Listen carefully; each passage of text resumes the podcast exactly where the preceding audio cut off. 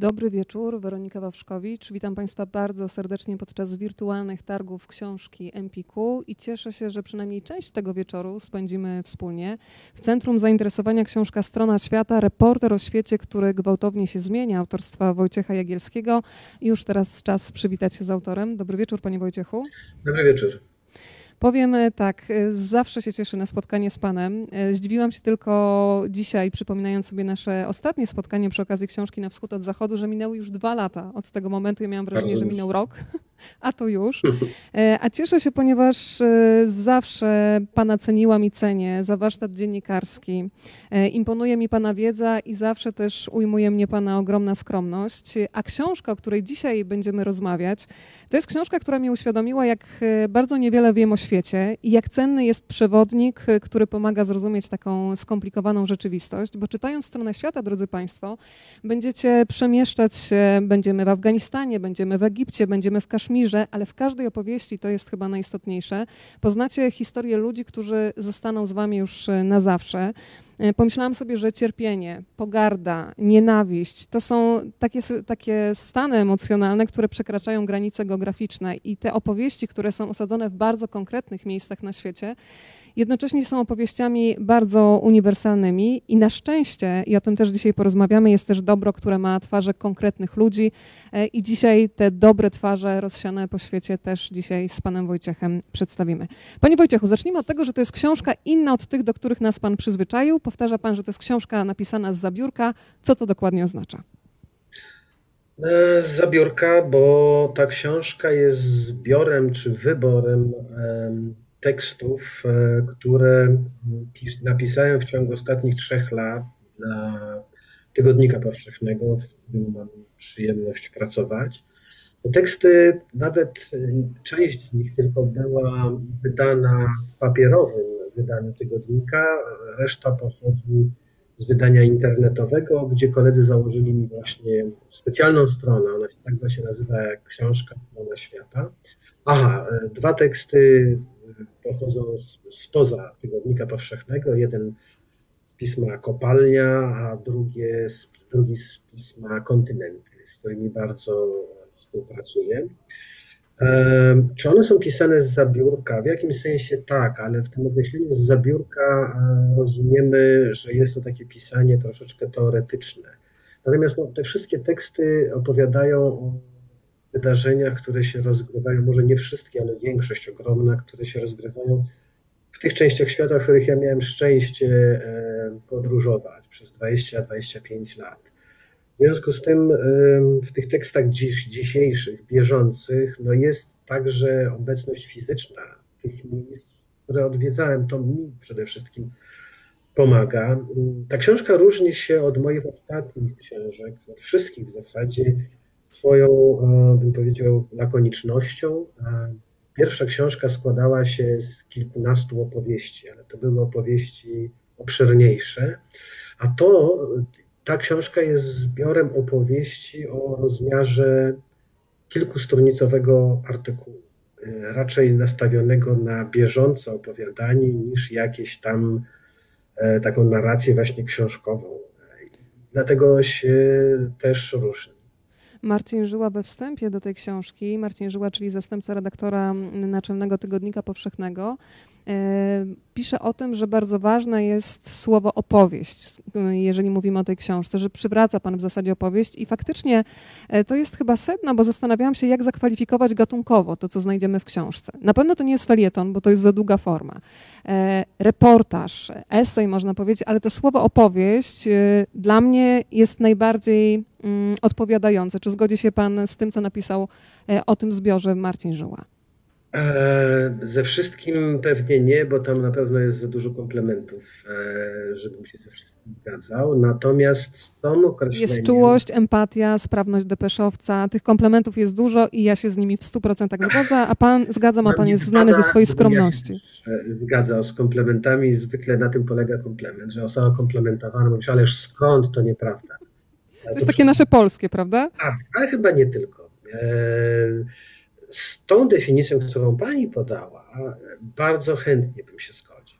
Dla mnie dziennikarstwo, mówiąc ogólnie, składa się z o jakiego rodzaju opowieści. Pierwsza to jest przynoszenie wieści, wiadomości.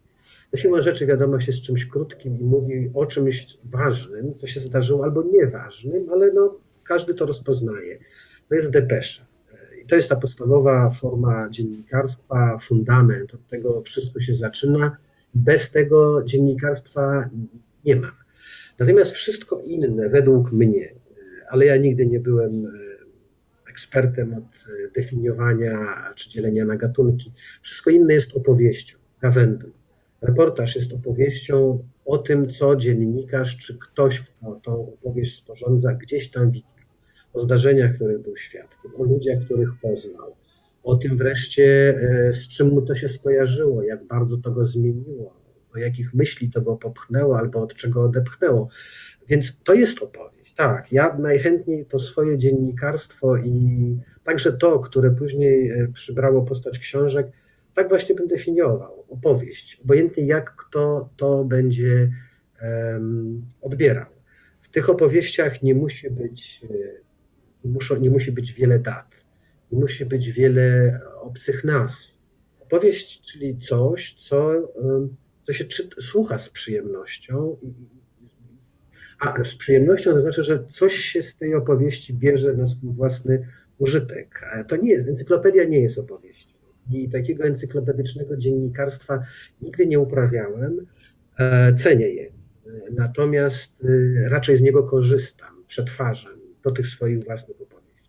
To powiem z punktu widzenia czytelnika, że ja w tych opowieściach się zanurzyłam i po tym zanurzeniu zostali we mnie ludzie, ich emocje. Są tacy ludzie, o których nie mogę zapomnieć dzisiaj, siedząc tutaj tej, w tej bańce polskiej. Mam świadomość, że gdzieś kilkaset, kilka tysięcy kilometrów stąd są ludzie, którzy już będą też u mnie w sercu. E, zacznijmy może od dobra, bo myślę, że dobro jest nam teraz podwójnie potrzebne. Jest jedna z opowieści zatytułowana Doktor z nad jeziora. Powiedzmy trochę o człowieku, który nawet w takim piekle na ziemi pokazuje, że jest, istnieje dobro i ono ma, i ono ma bardzo konkretną twarz. Mówimy o kongijskim doktorze, prawda, Denisie Mukwege. Mm, tak, to jest y, opowieść, y, powiedzmy bohater, postać, którą myślałem, że e, umieszczę w jakiejś większej swojej historii, opowieści. Ja jeździłem do Konga przez wiele lat, żeby opisywać tamtejsze wojny. A te wojny kongijskie, odkąd to państwo powstało, nawet wcześniej, przecież belgijskie panowanie, no to nawet nie przypadkiem jądro ciemności powstało w kongijskiej rzeczywistości. Ono nie pisuje zła, które tkwi w Kongu, tylko zło, zło które tkwi w nas, w istotach ludzkich. Um, więc te podróże do Konga były takim właśnie zbliżaniem się za każdym razem do tego jądra ciemności. Opisywałem zbrodnie, krzywdę, cierpienie ludzkie, taką beznadzieję, od której się chciało uciekać, a jednocześnie scenografia tej, tych opowieści była no, niezwykła, piękna. To, to, no, to jest taka kraina Ituri, ułożona tuż obok gór księżycowych, e, która wygląda jak, e, jak, jak, jak kraina z bajki. Jest po prostu przepięknie. A z drugiej strony chyba nigdzie na świecie nie dzieją się tak makabryczne historie, jak właśnie, jak właśnie tam. Jakby, jakby, jakby los chciał być taki przekorny, albo właśnie może pokazać, że e, nigdy i nic nie jest tak jednoznaczne, czarne albo białe, że w pięknie może dziać się makabra, a w czymś koszmarnym może tkwić jakieś coś dobrego. I ten doktor, tego poznałem na samym początku mojej, mojej, mojej znajomości z Kongiem, króciutko i, przyznam się, że no, nie, no wtedy on też nie był aż tak e, postacią znaną i zasłużoną, jaką jest dzisiaj. Ale on w tym całym szaleństwie zajmował się ratowaniem ludzi. No, ktoś powie, no, a co w tym takiego niezwykłego? No, jak ktoś jest lekarzem, to na tym polega ten fach. Mm, ale on był chyba jako, jak, on był już wtedy taką instytucją jedyną, którą ludzie, mimo doktor, ale którą ludzie, oni, ludzie widzieli w nim nadzieję. Ludzie szli do jego szpitala, bo to było jedyne miejsce, gdzie spodziewali się jakiejkolwiek pomocy. Im on stawał się głośniejszy, sławniejszy, także dzięki nam, dziennikarzom, tym tej pomocy mógł udzielać więcej, częściej, więc tym chętniej garnęli się pod jego opiekę. Przede wszystkim do niego przychodziły po pomoc najbardziej doświadczone przez te nieszczęścia wojenne, przez tą przemoc, czyli kongijskie kobiety. On zajmował się pomocą mm, przede wszystkim, niósł tą pomoc kobietom, które na wojnach wszelkich, a w Kongu no chyba wyjątkowo, może nie wyjątkowo, a wszędzie, na każdych wojnach są uprzedmiotowiane, e, gwałcone. Masowe gwałty na kobietach e, traktowane były i bywają wciąż niestety na tych wojnach jako broń masowego rażenia wymierzona w społeczności, bo te kobiety są natychmiast wykluczane. Mówi się, że to jest złamane życie, ale w tych wojennych historiach, a zwłaszcza w tych społeczeństwach z południa i ze wschodu, to jest wykluczenie na całe życie. One nigdy już nie, nie zostaną przygarnięte przez swoich mężów, ojców, synów, sąsiadów, wioski. To jest po prostu koniec, koniec życia. W Indiach był taki zwyczaj palenia wdów. No więc to jest coś w rodzaju takiego sati na ogromną skalę. Ten doktor e, niestrudzenie pomagał, nagłaśniał sprawę, opowiadał o tym wszystkim, gdziekolwiek był, gdziekolwiek go zapraszano. Dostał Nagrodę Nobla i myślę, że ze wszystkich nagród pokojowych Nobla ta e, była chyba najbardziej zasłużona. No, na pewno jest jeszcze wiele osób, które zasłużyły na, na takie wyróżnienie, ale ten Denis Mukwege, no to jest chodzące dobro, a może nie znamy go, bo, bo, bo, bo może jest to tylko może jest to takie dobro na nasz użytek, a w rzeczywistości jest złym ojcem, niedobrym mężem. Tego nie wiemy, ale, ale to, co robi publicznie, no jest po prostu czymś tak nieskończenie dobrym. Marzyłem sobie zawsze podczas tych podróży do Konga, że kiedyś, aha, jeżdżąc do Konga na wojny, nigdy nie mogłem przepłynąć rzeką od jej ujścia, e, od z, z, z górnego odcinku dolny. E, zawsze było ten, ten, ten, tak, jak płynął, zawsze mogłem, e, znaczy rzeka była nieruchoma, bo kiedy toczyła się wojna, przerwana była na niej żegluga. A myślałem sobie, żeby popłynąć właśnie odwrotnie niż płynął e, bohater jądra ciemności, przemierzyć tą rzekę w drugą stronę i opowiedzieć nie o tym złu, które w nas tkwi w ludzkiej naturze, ale o tym, że jest też dobro tego doktora myślałem, że, że on może będzie tym bohaterem. Nigdy więcej go nie poznałem. Miałem nieszczęście oglądać Kongo tylko w sytuacjach wojennych. Ja tak sobie myślę, że każdy z nas ma fabrycznie wbudowany taki guzik dobra i guzik zła i naprawdę czasami niewielkie wydarzenie, wydawałoby się nieznaczące dla świata, jest w stanie uruchomić zarówno dobro, jak i zło. A w tej historii tego doktora bardzo mnie też poruszyła jego odwaga, bo przecież on występował na forach międzynarodowych, gdzie opowiadał o historii gwałtów. Zresztą wycofywano filmy dokumentalne, które go pokazywały jako bohatera i to wiązało się z zagrożeniem też dla jego życia prywatnego, czyli też dla jego rodziny, prawda? O tym chyba też warto nawet powiedzieć. Ostatnio, nawet ostatnio um, otrzymywał, znów otrzymywał pogróżki e, pod swoim adresem e, do szpitala, bo występując przeciwko tym wszystkim wataszkom, którzy tam gdzieś działają, depcze boleśnie po odciskach ludzi, którzy są tych wataszków mecenasami. Czy to jest rząd kongijski, czy rządy sąsiednich krajów, e, Ugandy czy Rwandy, e, zawsze się komuś naraża.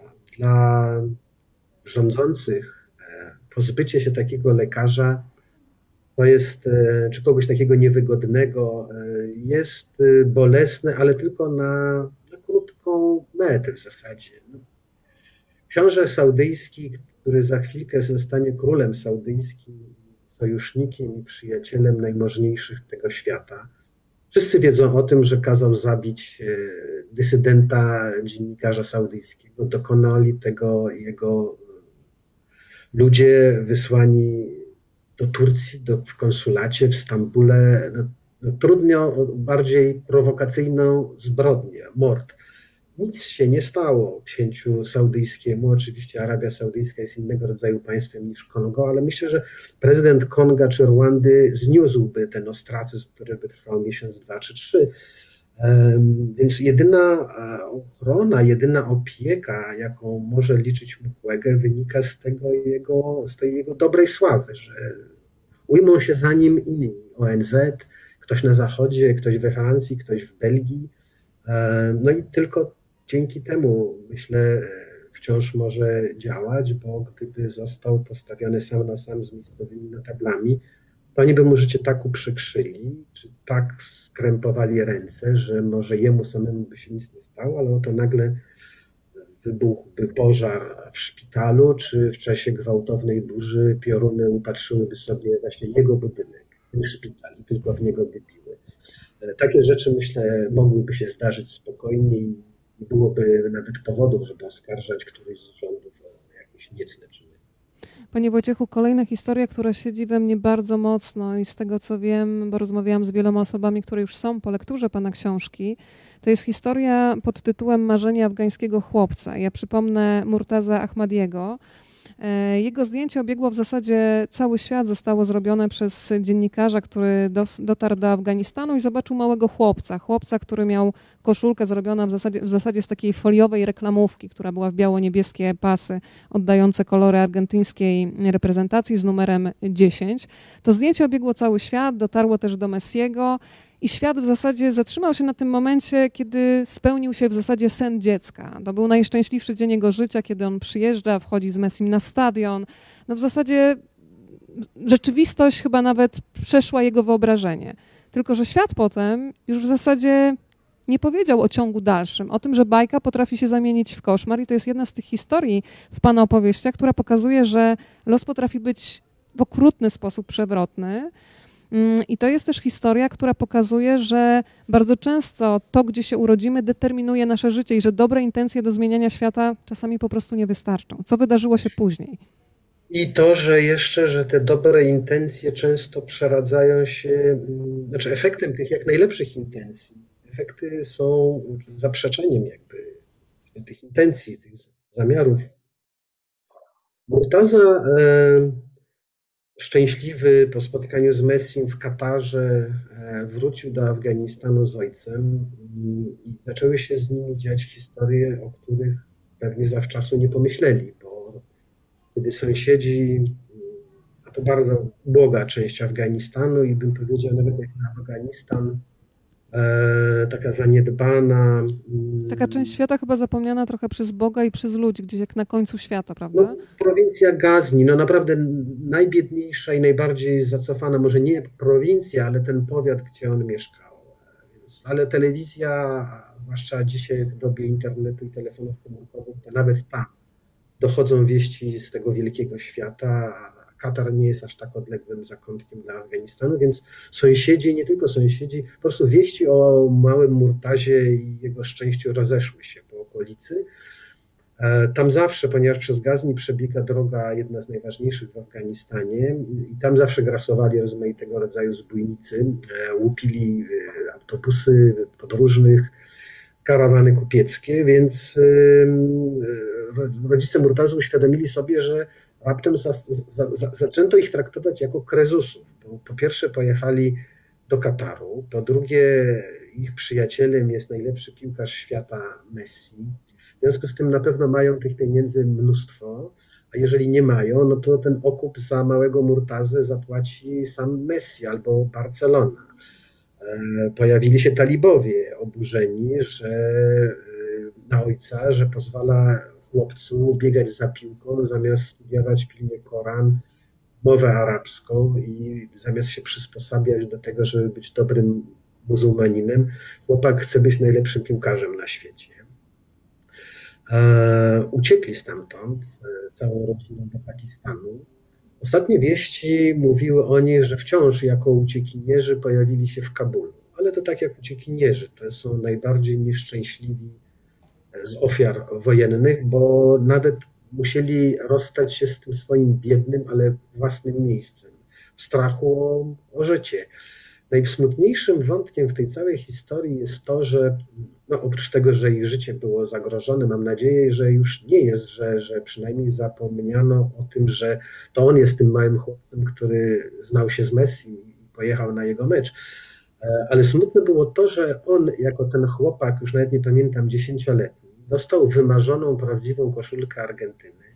buty piłkarskie i piłkę, a nie mógł nawet wyjść w tym ubraniu i z tą piłką kopać jej kolegami, bo matka nie wypuszczała go z domu, bojąc się, że chłopak na ulicy natychmiast zostanie porwany. Więc y, to były takie marzenia małego chłopca, które myślę, że nie, nie rozumiał, dlaczego nie może tak niewielkich, takich, takich skromnych przecież tych marzeń spełnić. Ale w tej historii takie w sumie no, najprawdziwsze i też smutne jest to, że e, wszyscy chcieli dobrze. Bo i dziennikarz chciał dobrze, i Messi chciał dobrze, i Barcelona chciała dobrze, i rodzice też chcieli dobrze. Talibowie w swoim przekonaniu też chcieli dobrze. Może jedynymi, jedynymi złymi ludźmi to są ci rozbójnicy, którzy chcieli go porwać dla okupu, ale większość ludzi chciała dobrze i sprawy działy się, jakby zmierzały w dobrym kierunku. Właśnie tak jak pani mówi, no wszystko zmierzało ku temu szczęśliwemu końcu a potem nastąpił ciąg dalszy, bo się okazuje, że, że nic się tak naprawdę nie kończy. Wszystko ma ciąg dalszy. W, stojąc na wierzchołku świata, e, wydaje nam się, że już tam zawsze będziemy, a okazuje się, że możemy bardzo nisko upaść w przepaść i boleśnie, ale z tego dna przepaści też można się wygrzebać i na tym wierzchołku ponownie się znaleźć. Dobrze mieć świadomość jednego i drugiego. Ale też ta historia pokazuje, jak działają media, bo o ile zdjęcie małego afgańskiego chłopca widziałam, o tyle ciągu dalszego tej historii nie znałam, bo to już nie była piękna bajka do powiedzenia, którą można by było zarażać entuzjazmem miliony widzów przed telewizorami.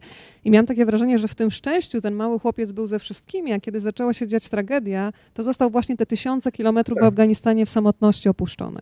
Ma pani rację. Y, ja zarówno o Murtazie, o jego historii, jak i o tym, co się dalej z nim zdarzyło, dowiedziałem się już nie będąc w Afganistanie, bo nie jeżdżę do Afganistanu już z 10 lat. Przeczytałem o tym i te zdjęcia Murtazi już starszego w Kabulu też widziałem jako właśnie ten ciąg dalszy. Może dlatego, że ja wertuję te informacje o Afganistanie zawodowego nawyku, obowiązku albo z takiego po prostu no, nawyku, bo tym Afganistanem przez tyle lat się zajmowałem i dalej mnie to ciekawi, to się o tym dowiedziałem, ale mamy rzeczywiście dzień, jako dziennikarze taki zły zwyczaj czy nawyk e, porzucania historii w jakimś momencie bo ona, to jest takie wyciśnięcie, prawda? Mam takie wrażenie, że był potencjał, media wycisnęły wszystko, co było tak. dla nich się klikało i grało. Tak. A skoro tak. mały chłopiec stał się bezużyteczny, to wyrzucamy go na aut, jak ta piłka nożna, gdzieś daleko. Tak, i jeżeli już mamy dobre zakończenie do historii z happy endem, to po co ją psuć, prawda? Każda komedia romantyczna kończy się, kiedy kochankowie i małżonkowie do siebie wracają, zwycięża miłość, a nie opowiadamy o tym, co się zdarzyło pięć lat później, że po tym zwycięstwie tak. nastąpiła następna porażka, że każdy związek to jest nieustanna walka przecież z przeciwnościami, albo ten związek się kończy. I, i to się zdarzyło z Murtazą. Taką historią inną afgańską, która ma swoje zakończenia wciąż, e, takie publiczne. I przeczytałem, że licytowano portrety, zdjęcia mm, zrobione przez fotoreporterów i że najwyższą cenę, mm, najwyższą cenę zapłacono za zdjęcie takiej afgańskiej dziewczynki z obozu uchodźców. E, zdjęcie zrobione w latach 80. To zdjęcie no, jest jednym z najsłynniejszych takich emblematycznych fotografii, bo pokazuje kilkuletnią dziewczynkę o takich niezwykłych zielonych oczach. E, ona dzisiaj ma tyle lat, ile lat minęło od tego czasu.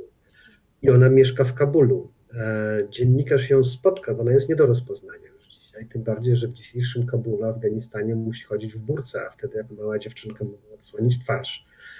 Więc e, pamiętamy to dziecko tej chwili, kiedy fotograf zrobił jej zdjęcie, a przecież jest też ciąg dalszy, do którego no nie wracamy, ponieważ ta klatka, ta scena e, jakby zamknęła historię. To mnie bardzo. Kiedyś myślałem o tym, nawet próbowałem o tym pisywać, ale wymagało to ogromnej dokumentacji. Na wszystko nie starcza ani czasu, ani energii, ale chciałem pisać dalsze ciągi historii z fotografii. Zaczęło się od takiego zdjęcia słynnego z 80, 76 roku z Soweto, gdzie tam na zdjęciu chłopak kilkunastoletni niesie na rękach Hektora Petersona, e, młodego tam dziesięciolatka zastrzelonego w czasie rozruchów w Soweto w 1976 roku. Ja spotkałem e, siostrę Hektora Petersona w Soweto, ona mi opowiedziała, każda ta fotografia ma swój ciąg dalszy. To jest zdjęcie emblematyczne z tamtej chwili, Soweto 76 rok. Dramatyczne losy, często dużo bardziej dramatyczne niż te, które obrazowały fotografie, nastąpiły później. Czasami bohaterowie z tych fotografii, dzięki tym fotografiom los się poprawił, a czasami wręcz przeciwnie, tak jak Murtazie, ta sława im szkodziła.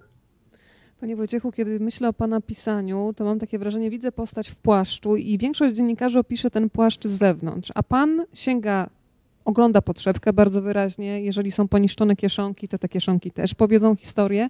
I zdałam sobie z tego sprawę, na przykład czytając reportaż o Mandeli, w którym tak naprawdę bohaterką jest królowa ulicznej rewolucji, czyli jego żona. Bo zdałam sobie sprawę, że bardzo często mamy takie myślenie albo wiedzę wręcz encyklopedyczną, czyli otwieramy sobie Wikipedię, czytamy o Mandeli, jesteśmy w stanie odpowiedzieć na pytanie w milionerach dotyczące dat, e, tego, z czym się wiąże jego postać. Natomiast gdyby zapytać o życie prywatne, e, o cały kontekst sytuacji, to myślę, że większość z nas miałaby duże problemy, żeby powiedzieć cokolwiek więcej. E, I powiedzmy trochę o jego żonie, bo dla mnie to jest jeden właśnie, jedna z tych opowieści, która pokazuje postać, o której znowu nie jest tak głośno w historii. Ona wychodzi z cienia. A jest to bardzo kontrowersyjna też postać. Myślę, że to, co nazywamy kontrowersyjnym, jest po prostu ludzką stroną naszych egzystencji.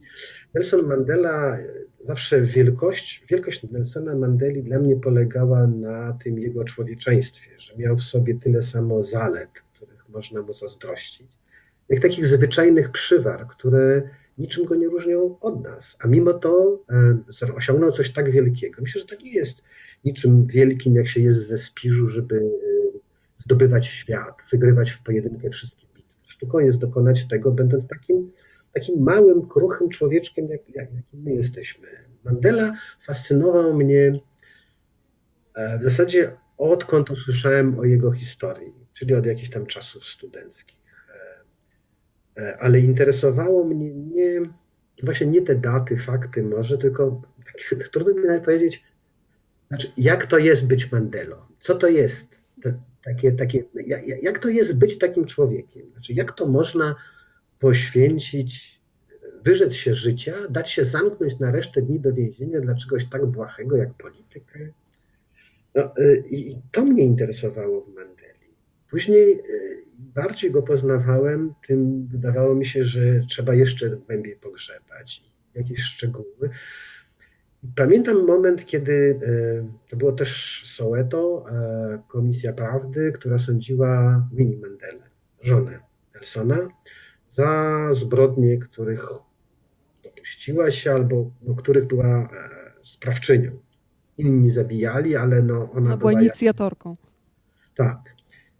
I rozmawiałem z kobietami, które przyszły e, pod tą komisję prawdy e, sekundować właśnie Winnie.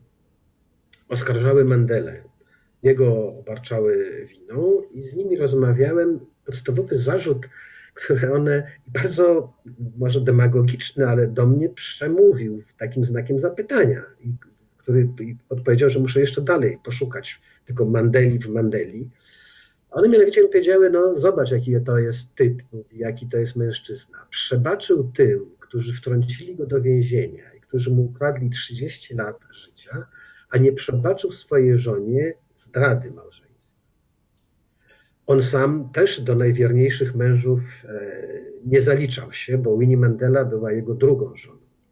Był człowiekiem w młodości przystojnym, takim światowym, miał ogromne powodzenie. Jak to było z tymi sprawami, nie wiem. E, aż tak bardzo w życie prywatne swoich bohaterów nie wkraczałem. Nie to było najważniejsze. W każdym razie rzeczywiście pomyślałem sobie, to jest człowiek, który wybacza swoim politycznym wrogom, którzy przecież go okradli ze wszystkiego, a nie potrafi wznieść się E, na, do, na, przebaczyć e, żonie, tym bardziej, że ta żona, kiedy on dał się zamknąć na, na dożywocie, ona miała wtedy, to była młoda kobieta. 28 lat chyba, prawda? Tak, którą zostawił z dwójką młodych, małych dzieci.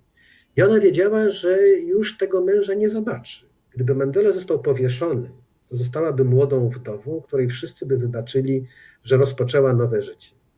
Ale Mandela żył i stał się symbolem walki z apartheidem, nie tylko w południowej Afryce, ale w świecie. E, Winnie nie wolno było mieć nowego życia, bo była żoną e, bohatera e, światowego walki o sprawiedliwość. Nie wolno jej było zrobić żadnego błędu, a wszyscy na te zaczęli jej się przyglądać, co ona mówi, co robi. Rząd południowoafrykański ją prześladował. Ona płaciła za Mandelę. Ona zapłaciła całą cenę za wielkość Mandeli, już nie ciągnąc tej opowieści, dlatego Dlatego była taką ciekawą dla mnie, jako dla reportera, postacią. W niej było tyle samo dobra, co zła. Była nienawiść, była miłość. I ona sama mówiła, że nienawiść nauczyło jej życie, że ona nie była e, człowiekiem. Jako młoda dziewczyna nie miała w sobie nienawiści, nie wiedziała nawet, co to jest nienawidzieć. Życie e, popchnęło ją ku nienawiści. Była wyklinana, e, ponieważ świat uznał, że e, świętość należy się Nelsonowi, to Winnie była tą, tym upadłym aniołem. Tą postacią, która, właśnie ona stała się takim jakby zaprzeczeniem losów swojego męża. Jego wychwalano, że o proszę bardzo, potrafił wybaczyć, prawie jak Mahatma Gandhi, wyrzekł się przemocy, a Winnie krzyczała, że zabijajcie swoich wrogów, nie przebaczajcie, pamiętajcie, wasze krzywdy i mścicie się, jak tylko będziecie mieli okazję.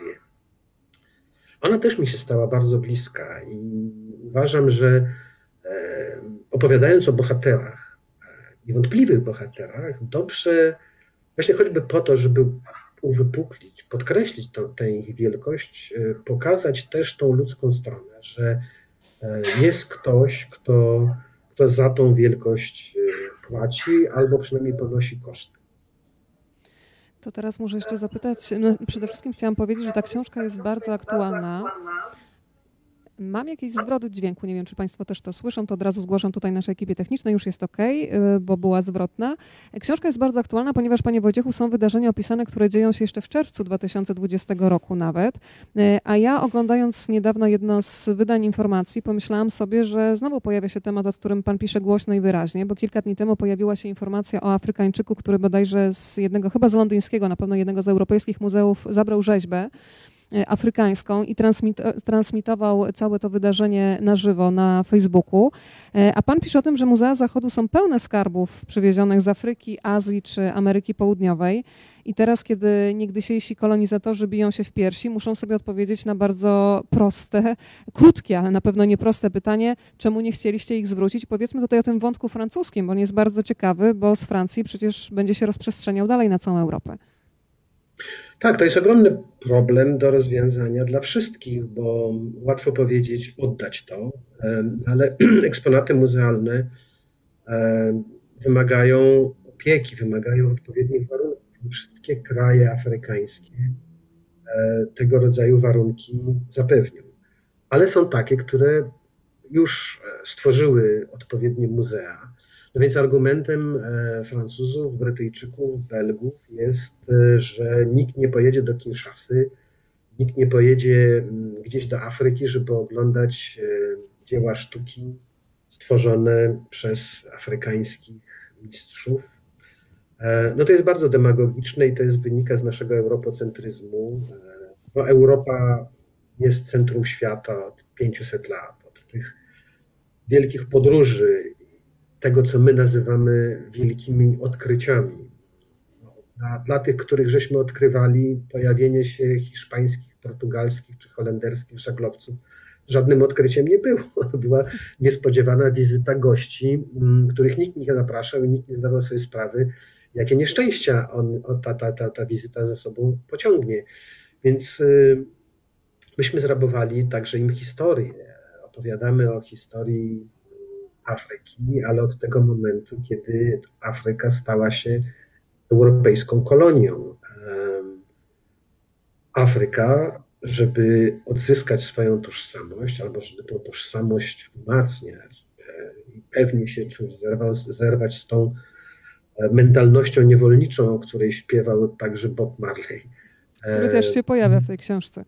Który też się pojawia. E, ona musi odzyskać swoją historię te dowody swojej historii.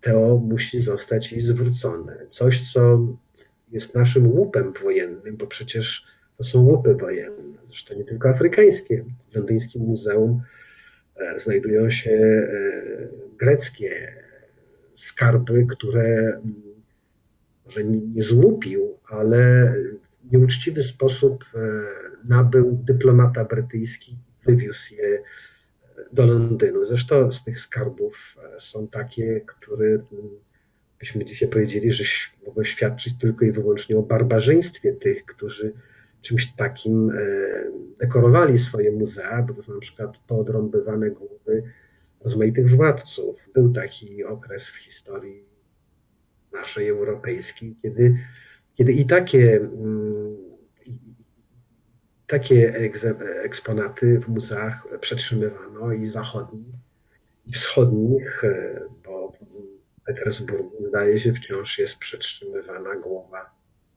Chodziego Murata, E, kaukaskiego bohatera i bohatera opowieści mm, z tamtych, e, z tamtych czasów. Więc tak, to, to nie jest tylko historia o tym, co się komu należy, tylko co żeśmy zrobili tym innym, którzy, którzy, którzy dzisiaj nas oburzają, pchając się do nas bez pukania do Europy. A my się szczycimy swoją wielką kulturą, prawda?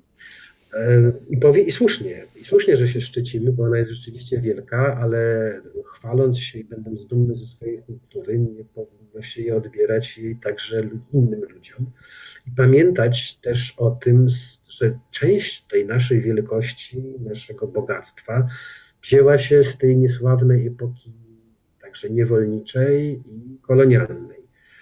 Powyzyskiwaliśmy te ludy i te kontynenty przynajmniej trochę. Bardzo się na tym wzbogaciliśmy, mm, więc e, chyba tak uczciwie mówiąc, oni też mają prawo do tego, żeby się e, domagać jakiejś rekompensaty, bo w Polsce mówi się przynajmniej po prawej stronie o rekompensatach za o odszkodowaniach wojennych, e, więc w tym świecie niezachodnim coraz głośniej mówi się, że za tą epokę niewolniczą, za kolonializm też by się coś należało i niektórzy y, sporządzają całkiem zgrabne rachunki. Będą je wystawiać. Taki Barbados wystawi pewnie skromniejszy rachunek, ale jakby już takie Kongo chciało się upominać od Belgii, no to być może Belgia musiałaby zbankrutować. Panie Wojciechu, czas na kolejny, kolejny dział, bo od razu Państwu powiem, że te opowieści Wojciecha Jagielskiego w książce Strona Świata są pogrupowane w e, konkretnych rozdziałach. Ich tytuły to Miejsce do życia, Burze bez końca, Ostatnie takie dynastie, Różne smaki władzy, Droga na dżihad, Mecz o wszystko, Muzyka buntowników i Raport z przyszłości. I w tym dziale Miejsce do życia zabiera nas Pan do miast na całym świecie. Ta opowieść zaczyna się od y, takiego zdania. Indonezja i Egipt, jedne z najludniejszych krajów świata, budują nowe stolice, bo funkcjonowanie w starych stało się nie do zniesienia. I myślę, że taki najważniejszy przekaz tego całego rozdziału zamyka się w zdaniu, że budowanie nowych miast jest swojego rodzaju kapitulacją, ucieczką od wielkomiejskiego problemu, a nie próbą jakiegokolwiek rozwiązania. Powiedzmy, o jakich miastach Pan wspomina. No o tych największych molochach, e, ale może e, jeszcze tylko zdanie wtrącę, bo mm, ta książka jest rzeczywiście napisana, to są teksty przeze mnie napisane, natomiast współautorami tej książki są Wierzy Tygodnik Powszechny, pomysłodawca tej książki e, i moi koledzy redakcyjni, którzy tego wyboru dokonali. To oni pogrupowali teksty w te rozdziały, to był ich pomysł, żeby takie pogrupować, żeby one stały się opowieściami na jakiś temat. Tutaj muszę podziękować Ewelinie Burdzie i Michałowi Okońskiemu za ten, za ten trud y, i są współautorami tej książki. Wracając do tych wielkich miast, y, podróżując po Azji Południowej i po Afryce, no te 20 lat moich podróży pozwoliły mi choćby na taką pobieżną obserwację, że po pierwsze te kraje, ludność przeniosła się do miast te miasta rozrosły się w sposób tak monstrualny, że trudno nawet jest je nazwać miastami. Pamiętam w Lagos w Nigerii kiedyś e, poprosiłem taksówkarza, żeby mnie zabrał na koniec miasta. On tak się zdziwił troszkę, ale mówi, to gdzie jedziemy? Na północ, na południe, na zachód? Ja mówiłem, wybierz sam kierunek, no byle nie nad morze, bo Lagos leży na wybrzeżu, więc ta przejażdżka byłaby dosyć krótka. I on pojechał. I ruszyliśmy, ruszyliśmy i jechaliśmy cały czas, e, mijając kolejne domy, to może trudno powiedzieć, ale dzielnica po dzielnicy, ludzie i ludzie, i ludzie, aż stanął. Powiedział, dalej jest już Beni. Więc to są miasta monstrualne, które tak rozrosły się, tak przeludniły, że w zasadzie już nie można z nimi, nie wiadomo co z nimi zrobić. Bo, Te liczby, bo... panie Wojciechu, przemawiają do wyobraźni. 25-milionowy Kair. Tak, tak, tak, tak. No 20 milionów to jest ludność, e, mówi się Kairu, Jakarty, e, Lagos.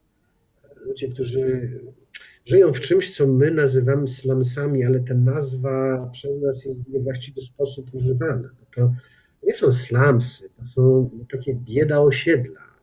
Tam są numery domów i listonosz tam trafia. Tam mieszkają urzędnicy na przykład, którzy dojeżdżają godzinami do pracy. I to jest kapitulacja, to prawda, bo już z tymi molochami nie da się nic zrobić. Natomiast e, w tych molochach i następuje ucieczka z tych molochów, ale ucieczka uprzywilejowana. Nowe stolice budują dla siebie prominenci, znaczy dygnitarze i bogacze, którzy wyrośli dzięki bliskości tronu. E, nie mogąc wytrzymać takim Lagos, e, w Nigerii przeniesiono stolicę do Abudży, tłumacząc, że i słusznie, że w tak podzielonym etnicznie i religijnie kraju lepiej, żeby stolica była w środku kraju, a nie w jednym z tych regionów z północy do Lagos trzeba byłoby się wybierać, nie wiem, dniami całymi. Ale już w Kairze, czy, czy, czy no w większości tych krajów budowane są nowe miasta na stolicę, ale także, żeby łatwiej było urzędować e, władzą, ale także, żeby wygodniej żyło się e, tym, którzy dzięki władzy wyrośli. No bo sąsiedztwo, jak bardzo by człowiek nie był bogaty, jakby nie miał wiele samochodów, to Polagos będzie się poruszał z taką prędkością, na jaką pozwolą miejscowe ulice.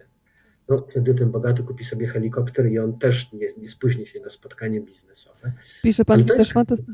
Przepraszam, pisze pan też fantastyczną rzecz o tym, że zdarzają się takie miasta, że, gdzie przedsiębiorczy i przekupni policjanci czy kierowcy karetek pogotowia wynajmują swoje uprzywilejowane pojazdy i wożą na sygnale pasażerów, zwyczaj też praktykowany w zatłoczonym Teheranie. Yy, więc to, co się dzieje w środku, wpływa też na korupcję i na całość życia miasta. No, z całą pewnością. No, myślę, że wpływa też na mm, taki kondycję psychiczną ludzi, którzy w nich mieszkają. Myślę, że nam trudno sobie wyobrazić, nam, którzy może, chociaż to już też przeszłość, bo jednak ruszyliśmy się i większość z nas była w tych miejscach, które także opisuje, poznała tą ciżbę ludzką, ale my możemy w nim przebywać na egzotycznego doznania, dzień, dwa, trzy, po to, żeby zrobić zdjęcia, filmik, a później opowiedzieć o tym wszystkim znajomym po powrocie. A oni żyją codziennie, to jest ich codzienność. Myślę, że to może się przekładać na poziom irytacji, agresji wręcz. Ktoś mi tłumaczył w Indiach, że te wybuchy agresji, które nie zdarzają się na szczęście tak często w Indiach, ale jeżeli już wybuchają, to przeradzają się w jakieś takie bardzo krwawe mordy, że jednym z powodów jest właśnie ta nieustanna gęstwina ludzka, w której, w której człowiek przebywa. Mm, to, że pojawiają się rozmaitego rodzaju wynalazki, gdzie można zarobić na boku. Właśnie jak policjant, który na sygnale przewiezie panią, jeżeli pani mu nie płaci za kurs. Ale przejedzie tylko wtedy, kiedy inni go posłuchają i rzeczywiście zrobią mu miejsce, bo jeżeli nie posłuchają, no to co mu pozostaje? Tylko nielegalne użycie broni. To już jest rzecz niebezpieczna, bo można trafić też na kogoś, kto się będzie spieszył w drugą stronę i też będzie miał broń albo wynajętego policjanta tylko z innej, z innej e, komendy. To jest właśnie troszkę takie, e, takie, takie absurdy życia. Znaczy, myślę, że w wielu aspektach doprowadziliśmy tą naszą rzeczywistość do stanów granicznych. E, miasto, które liczy 20 milionów mieszkańców, czymś takim jest. To nie jest Manhattan, który został wydłubany w środku i pociągnięto tam tyle linii metra. Zresztą kto wie, może to będzie jeszcze bardziej mroczny absurd, bo nie wiadomo, czy, czy jak się skończy życie na tym Manhattanie, kiedy ktoś spadnie na pomysł, żeby zbudować 134 e, nitkę metra i wszystko się zawali, na przykład odpukać w niemalowane drewno. Ale te miasta troszkę pokazuje pokazują, co myśmy zrobili z tym światem, w którym żyjemy. Pan, panie Wojciechu, przytacza też liczby. Według szacunków ONZ w 2050 roku liczba ludności świata wzrośnie do 10 miliardów, z czego prawie 7 będzie mieszkać w miastach. Dla porównania, jeszcze w 1950 roku na świecie żyło 2,5 miliarda ludzi, a w miastach niespełna miliard. Spoglądam teraz e, do telefonu, żeby sprawdzić pytania od naszych widzów. Zacznę od pani Barbary. Mm, która pyta, jakich rad mógłby Pan udzielić młodym ludziom, którzy chcieliby pójść w Pana zarówno korespondenckie, jak i reporterskie ślady, to ja do tego pytania jeszcze podepnę pytanie o to, co powiedział Ryszard Kapuściński, kiedy Pan się pochwalił, e, przygotowując się do pisania dobrego miejsca do umierania, co powiedział na hasło piszę książkę, bo tutaj pytania młodych do Pana i teraz wracamy do tego momentu, kiedy Pan był początkującym, jeszcze debiutantem przed książką, co powiedział Ryszard Kapuściński? No Ryszard Kapuściński, miałem szczęście go znać przez 20 lat i miałem to jeszcze większe szczęście, że jakby zasłużyłem sobie na jego życzliwość. Mam wrażenie, że on mi kibicował. Może przez współczucie, bo widział może we mnie taką młodszą ofiarę dziennikarskiej pasji. Wiedział, co, przez co będę musiał przechodzić, albo e, no, zachowując wszystkie proporcje, myślę, że w podobny sposób podchodziliśmy tego zawodu, do tego, co on daje i do tego wszystkiego, do tych kosztów też uprawiania tego zawodu. Kiedy mu powiedziałem o tym, bo wiadomo, że człowiek przed swoim mistrzem się popisuje w każdy możliwy sposób i stara się zaimponować, właśnie jak usłyszał ode mnie, że, że będę pisał książkę, to go to bardzo zaskoczyło, bo e, ufał mi i, i trochę traktował jako takiego swojego dobrego ucznia, chociaż sam nigdy nie był nauczycielem, Panie Boże, a tu mu raptem ten uczeń opowiada jakieś brednie, coś, co właśnie jest zaprzeczeniem tego wszystkiego, co on chciał pokazać. Myślę, że przestraszył się, że chce napisać książkę, żeby mieć to tylko w swoim CV, żeby to było właśnie książka, która będzie zbiorem artykułów twardych okładkach, no właśnie tak jak ta książka Strona Świata, aczkolwiek tak mogę, mogę, mogę się podję, spróbować podjąć obronę, że, że tak może nie do końca jest. E, chodziło mu o te pobudki, które no, mogły kierować, o które może mnie miał powód, żeby podejrzewać, czy był zdumiony, że, że coś takiego się pojawia. No właśnie jakiś taki e, celebrycko-narcystyczny powód pisania tej książki, żeby postawić ją na półce i żeby w CV pisać, że jest się też autorem książek i żeby ta książka w CV była takim samym dowodem e, niezaprzeczalnej wielkości, jak występ w telewizji. No bo to są dwa dowody, prawda? Jak już byliśmy w telewizji, napisaliśmy książkę, to już więcej dowodów wielkości dla dziennikarza nie potrzeba. No jeszcze teraz trzeba być zaproszonym do tańca z gwiazdami, no ale to już i Kapuściński nie zastąpi. E, w każdym razie, jak ja mu to powiedziałem, że panie Ryszardzie będę pisał książkę, on tak popatrzył na mnie e, no, z taką troską i mówi, Wojtku, musisz. E, I jak ja mu powiedziałem dopiero, o czym, jak ja tą książkę sobie wyobrażam, w ogóle co sądzę na temat książki, co to jest książka, to jego uspokoiło. I on później na tyle mi kibicował, nawet z tą książką, że był łaskaw napisać coś w rodzaju wstępu, e, do którego zmusiły go moja żona i jego żona, bo ja szczęśliwie wyjechałem w tym czasie za granicę i, z tą zbrodnią, e, która polegała na okradaniu Kapuścińskiego z czasu, nie miałem już nic to ja to sobie teraz pomyślałam, że pani Basia, która zadała pytanie do pana o rady, to jest tak, że dzisiaj w panu e, młodzi adepci dziennikarstwa, młodzi reporterzy widzą właśnie guru, od którego oczekują takich rad. Jakie cechy powinien mieć reporter, żeby sobie najzwyczajniej w świecie poradzić e, z tym zawodem? Powiedział pan tutaj między słowami, a nawet wprost o kosztach tego zawodu. Więc co jest najważniejsze i dla kogo to na pewno nie jest zawód, że powinien jednak pomyśleć o czymś innym? No Kapuściński powiedział, się wesprę klasykiem, e, że reporter to nie jest zawód dla ludzi niewrażliwych. Ci, którzy tej wrażliwości i empatii może w sobie nie mają wystarczająco wiele, też mogą tego zawodu popróbować, natomiast prawdopodobnie odejdą z niego. E, bo to rzeczywiście, ta wrażliwość i empatia to jest, ale tego trudno wypracować, to można e, pielęgnować, ale, ale jak ktoś tej empatii w sobie nie ma, to nie wiem, czy jest sposób na to, żeby, żeby nad nią pracować. To nie jest praca nad stylem pisania, nad charakterem pisma, nad wiedzą jakąś. Wydaje mi się, że to jest zawód dla ludzi wrażliwych. Bardziej. Tym niewrażliwym jest trudniej. Dla mnie cechą, ale nie wiem czy to jest cecha, znaczy ciekawość e, i gotowość do e, burzenia tych konstrukcji, które już żeśmy stworzyli z tej ciekawości. Dla mnie największym takim doświadczeniem dziennikarskim, na początku kłopotliwym, ale później bardzo je sobie ceniłem, to był przyjazd do któregoś z krajów ponownie. Ja w dziennikarstwie się specjalizowałem no, w dosyć rozległym obszarze, jest Afryka i część Azji, i miałem szczęście jeździć tam wielokrotnie.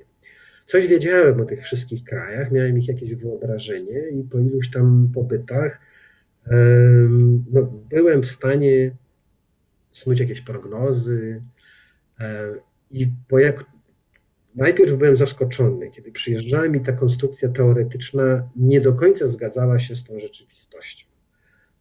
Ale kiedy po raz pierwszy, drugi czy trzeci rozsypałem tą konstrukcję teoretyczną, nie wyrzucając żadnych elementów, tylko stworzyłem z niej nową, uzupełnioną o te już kawałki, o te klocki zebrane już tam na miejscu, to to dopiero oddawało to, co w tym mojej pracy reporterskiej było chyba najpiękniejsze gotowość do dekonstrukcji, po to, żeby uzupełniwszy ten zestaw klocków nowymi, zbudować coś, co będzie bardziej odpowiadało prawdzie, tej rzeczywistości i samemu jeszcze coś przy okazji zrozumieć. Poszukiwanie czegoś, ale gotowość też do tego, żeby to, co się znalazło, nie, nie, nie unieważnić, tylko mieć tą świadomość, że ten obraz był prawdziwy w tej chwili, kiedy żeśmy go złożyli. A za rok, za dwa on będzie musiał być inny, tak jak i my jesteśmy. Świadomość tego, że my się zmieniamy. Ja w Gruzji wieku 35 lat inaczej widzę Gruzję i to wszystko, co tam się dzieje, niż ja w wieku lat 50. To nie jest dobre pytanie, wydaje mi się. Trudno się spodziewać, żeby dostać na nie dobrą odpowiedź, dlatego że ten świat się zmienia w sposób tak niezwykły, tak szybki, że to, jak ja pracowałem w latach 90., powtórzenie tego wszystkiego już na nic się nie przyda.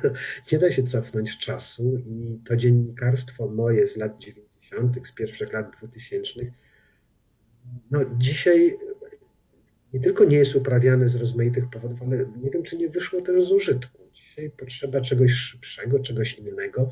Trzeba się uczyć tego dziennikarstwa. Tylko, Natomiast ta ciekawość jest ta sama. Tylko, że szybkość niestety coraz częściej oznacza ślizganie się po powierzchni, e, a dramatem już jest to, że artykuł jest istotny lub nie, jeżeli się klika lub nie. I to zaczyna być miarą e, jakości tekstu dziennikarskiego. No możemy na, na tym ubolewać, ale to ja ubolewałem, bo zaczynałem dziennikarstwo w czasach, kiedy w Polsce funkcjonowała jeszcze cenzura kiedy były kraje, które nie udzieliłyby mi wizy wjazdowej tylko dlatego, nie oglądając mnie na oczy, dlatego, że byłem e, z Polski, a ta była na liście krajów zakazanych. Nawet w latach 90., kiedyś nie chciano mnie wpuścić do Kenii z Ugandy, bo Polska wciąż tam znajdowała się na przejściu granicznym w Busi, bodajże Polska była wciąż na tej złej czarnej liście i musieliśmy dzwonić do Nairobi, że wtedy dopiero strażnicy dowiedzieli się o naszej transformacji, wielkim sukcesie. E, więc tamto dziennikarka zawsze jest coś, co nam krępuje co, co, co nas nie radowała, coś, co uważamy za jakiś ogromny mankament. No prędkość w dziennikarstwie zawsze się liczyła i ta szybkość była zawsze ważna. Depeszowiec to wie najlepiej, prawda? Co? Depeszowiec wie to najlepiej. Tak, tak, tak. Więc co mi po informacji, którą ktoś mi przyniesie za trzy dni? Natomiast sama informacja niesprawdzona, czy wiadomość niekompetentna nie jest wiadomością nawet, jest pogłoską, jest plotką. Też nie o to chodzi. A nie myśli pan, panie Wojtku, że może trzeba właśnie pójść w specjalizację, żeby się nie ścigały na przykład gazety z y, internetem, tylko żeby właśnie w gazecie było miejsce na pogłębione dotarcie do sedna danego konfliktu na przykład. Pani Weroniko, ten... my toczyliśmy jeszcze w Gazecie Wyborczej batalię e, o to, czy gazeta w ogóle ma się z kimkolwiek innym ścigać, jak tylko z samymi gazetami. Nawet w lekkiej atletyce jest wiele poddyscyplin, prawda? I ktoś, kto skacze, kto skacze o tyczce, nie będzie startował w biegu na 400 metrów z 400 metrowcem, bo przegra. Ale biegi też się odbywają na 100 metrów, na 1500, na 10 tysięcy metrów. Każdy wymaga czegoś odrębnego, czego innego się spodziewamy. Zawsze uważałem, że pomysł, żeby gazeta ścigała się z telewizją, czy w ogóle z internetem, to już absurdalne, no jest skazany na porażkę. Gazeta, uważałem, zawsze powinna pogłębiać to, co ludzie dowiedzą się z telewizji. Natomiast no, to było w, w czasach, kiedy o czymś ważnym ludzie dowiadywali się, powiedzmy, dzisiaj mamy piątek, no więc w sobotę, w sobotni tak. wieczór z dziennika telewizyjnego, a w poniedziałek czytali to pogłębione w gazecie. E, to jest zupełnie innego rodzaju już dziennikarstwo. Nie wolno się wyrzekać szybkości. Natomiast ja w dziennikarstwie zawsze ceniłem sobie bardziej kompetencje, zapominając o szybkości. Niekompetentna wiadomość przekazana jako pierwsza wcale nie wygrywa. E, raczej, raczej powoduje coś złego. Chaos. Chaos. Później trzeba to prostować, e, wstydzić się. Kompetencja musi iść z tą szybkością. No, dziennikarstwo jest zawodem. To nie jest tak, jak śpiewał Jerzy Sztur, że śpiewać każdy może. No może, ale to, że ja śpiewam sobie przy goleniu, to jeszcze nie powód, żebym oczekiwał angażu w Laskali, prawda? Albo chociażby, żeby ktoś mi zapłacił za występ na, w, sali, w sali kongresowej, jeżeli tam będą kiedyś urządzane jakieś, jakieś, jakieś występy.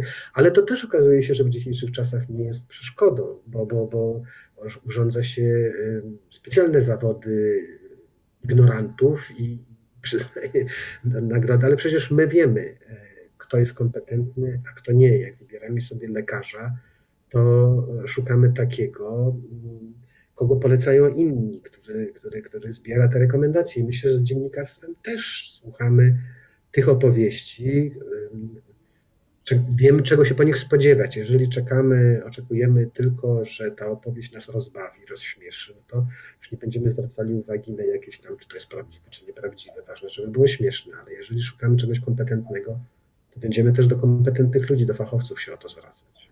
Panie Wojciechu, skoro mowa o czasie, to nasza godzina się zbliża do końca, ale jeszcze muszę zapytać co najmniej o dwie rzeczy. Na pewno o raport z przyszłości, bo tutaj już jest intrygujący sam tytuł no pan się staje takim prorokiem, który powoduje, że no, lęk jest coraz większy, większy w człowieku, bo ten świat roku 2045 jest światem przerażającym. Powiedzmy, co znalazło się w tej opowieści.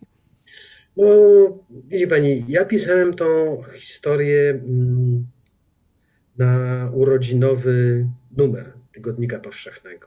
Mieliśmy go hucznie obchodzić w Krakowie. No ale epidemia to wszystkie te nasze plany unieważniła. Tak jak wiele innych spraw. Zawiesiła czy unieważniła. Więc y, artykuł o tym, reportaż, już nie wiem, czy to można nazywać reportaż, opowieść o tym, jak sobie wyobrażam rok 2045, y, opowiada o rzeczach, które wydawały mi się najistotniejsze sprzed chwili tej epidemicznej. Dzisiaj y, o wędrówkach ludów chwilowo zapominamy. One się nie odbywają jesteśmy, ukrywamy się przed wirusem. E, czy do, wrócimy do tego stanu? Nie wiem. Natomiast przyglądałem się temu światu przez ostatnie 25-30 lat jako dziennikarz i tak sobie wyobrażam rzeczywiście, że, że, że on może wyglądać. Będzie przeludnienie w tych miejscach, które przestaną nadawać się do życia. Ludzie będą migrować nie z powodu wojen, aczkolwiek też będą te wojny zresztą inaczej wyglądają już, ale będą po prostu wyjeżdżać, bo tam się dalej żyć nie da, nie w takiej masie. E, I będą szli tam, będą się kierować, gdzie będą widzieli jak największe szanse na przetrwanie, przeżycie dla siebie, czy na lepsze życie dla swoich dzieci. Mówiliśmy tu o Europie i o tej 500-letniej dominacji. No, sami sprawiliśmy, że Europa jest dzisiaj najlepszym miejscem do życia więc nie dziwmy się, że właśnie tutaj się wybierają, a nie do Japonii, czy nie do Wietnamu, albo do Kanady. Dziwię się zresztą, że nie do Kanady, bo mi Kanada wydaje się znakomitym miejscem do życia, ale może, ale może o bardzo... O Kanadzie będziemy mówić jutro ze zdobywczynią Nagrody Czytelników Nike i ta Kanada zostanie pokazana z no, bardzo, bardzo mrocznej strony. Mrocznych 27 stron. No śmierci Tobego Obeda takiego, jutro. Co, co, co, co jest tylko e, z czymś słonecznym. Nie ma takich gdzie deszcz nigdy nie pada, bo nawet w Kalifornii zdarza się, że, że jednak pada, a nawet jeżeli nie pada, to wydarzają się nieszczęścia, które ten słoneczny obraz bardzo, bardzo psują. Więc y, to trochę tak jak u reportera, y, u dziennikarzy. Nie jesteśmy z powodu specyfiki zawodu bardziej, częściej przynosimy Państwu opowieści straszne, horrory, niż y, opowieści, które kończą się dobrze, tym happy endem. Zaczęliśmy od tego, że po happy endzie zwykle następuje jakiś ciąg dalszy, który wcale nie musi być tak aż szczęśliwy. Ale rzeczywiście w tych naszych dziennikarskich opowieściach horroru jest zdecydowanie więcej niż e, tych happy endów. No więc może skupiłem się raczej na tym, co nam grozi, niż e, na tym, że a może jednak nie będzie tak źle. E, te nastroje mm, antymuzułmańskie, wydaje mi się być czymś szalenie niepokojącym. Ta obawa przed imigrantami, przed obcymi jest dla mnie zrozumiała. Niezrozumiałe dla mnie jest pochukiwanie tych, którzy rozumieją którzy się nie boją, pochukiwanie na tych, którzy czują lęk przed tym nowym, nieznanym. Im trzeba tłumaczyć, czy jest się czego bać, czy nie jest się, nie ma powodu do obaw, a nie pochukiwać, bo z takiego pochukiwania to nikt, e, na kogoś nie nakrzyczy, nie przestanie się bać. Panie Wojciechu, strona świata już trafia w ręce czytelników. Pytanie jeszcze od Pani Ani. E, kiedy zaczną się prace nad kolejną książką i jaka będzie jej tematyka? Bo czytelnicy czekają. Dopiero jedna i już czekają na kolejną. No, ja się, znaczy mogę powiedzieć o pracach nad następną książką, bo one rzeczywiście już trwają, ale znów to będzie coś zupełnie innego niż to, co do tej pory pisałem. Zostałem zwolniony z klauzuli tajności, więc mogę powiedzieć, że razem z wydawnictwem Znak pracujemy nad czymś, co roboczo się nazywa antologią reportażu wojennego. Ja nie znoszę tej nazwy, ale nic lepszego nie przyszło nam do głowy. Boję się y, tej nazwy także dlatego, że antologia zakłada pewnego rodzaju metodologię. E, że jak antologia, to to są naprawdę najlepsze rzeczy. A ja nie czytam po włosku, nie czytam po chińsku, więc nie mogę powiedzieć, że to, co wybrałem, jest ewidentnie najlepsze. Będzie to książka składająca się z cudzych opowieści o stu ostatnich latach, e, głównie o wojnach. O tym, to będą relacje ludzi, którzy byli ich naocznymi świadkami. Zaczniemy od e, Winstona Churchilla jako korespondenta wojennego, a skończymy na tych wojnach dżihadystycznych ostatnich i do tego dojdzie jakieś 200 stron mojej opowieści o rozmaitych rzeczach, o zawodzie, o ludziach, o wojnach. Ta książka mam nadzieję, że będzie w przyszłym roku. Panie Wojciechu, przekroczyliśmy już limit y, czasowy, ale ja bym nie była sobą, gdybym nie zadała pytania, które mnie naprawdę gnębi i myślę, że będzie pytaniem wielu osób już naprawdę na finał. Gdzie pan szuka nadziei? Jako reporter, który pisze o wojnach, o radykalizmie, o, tym, o tej mrocznej stronie świata, nadziei, która jest nam niezbędna do życia. Czego się złapać teraz? Ja niezmiennie, aczkolwiek może nie trudno powiedzieć, żebym był e, jakoś wyjątkowo stadnym, stadną osobą. E, raczej, raczej taki zaszywający się jestem, ale też nie, nie jestem sopkiem. A sąsiedztwo dla mnie zawsze jest nieustannym źródłem nadziei. E, I uważam, że z sąsiadem, obojętnie jak bardzo wiele rzeczy nas dzieli, czy to, że ja jestem kibicem Wisły Kraków, nie jestem, ale gdybym był, a ono Krakowi, to nie pójdziemy razem na stadion, ale możemy zrobić coś innego. A przede wszystkim, że z sąsiadem będziemy mieli sprawy, które możemy zrobić tylko razem, bo samemu nie damy rady, więc wiemy, że będziemy ze sobą współpracować prędzej czy później, że spotykamy się codziennie, więc obojętnie jak bardzo się nie lubimy, jak bardzo gardzimy naszymi politycznymi przekonaniami, to będziemy do siebie uprzejmi, będziemy sobie mówić dzień dobry i, i, do, i do widzenia. To sąsiedztwo dla mnie jest strasznie ważne i uważam, że jeżeli nie zwariujemy, albo ludzie nieodpowiedzialni nie popchną nam nas w jakiejś przepaści, to będziemy to zawdzięczali tylko dobremu sąsiedztwu. To jest to, co myślę nas może przed tym szaleństwem, którego jesteśmy świadkami. Panie Wojciechu, to dziękuję bardzo że to, za to nasze dzisiejsze sąsiedztwo, bo chociaż dzieliło nas sporo kilometrów, to emocjonalnie podczas tej rozmowy myślę, że wszyscy, którzy w niej uczestniczyli, byli blisko. Strona świata to jest e, książka, która już teraz jest w księgarniach. Proszę czytać. E, ja jeszcze raz podkreślę, że bardzo dziękuję za takiego przewodnika, który pozwala zrozumieć świat, jakim jest Wojciech Jagielski. Całość spotkania dla Państwa tłumaczył Bernard Kinow. Panie Wojciechu, pięknie dziękuję za to spotkanie. Dziękuję serdecznie. Wszystkiego dobrego.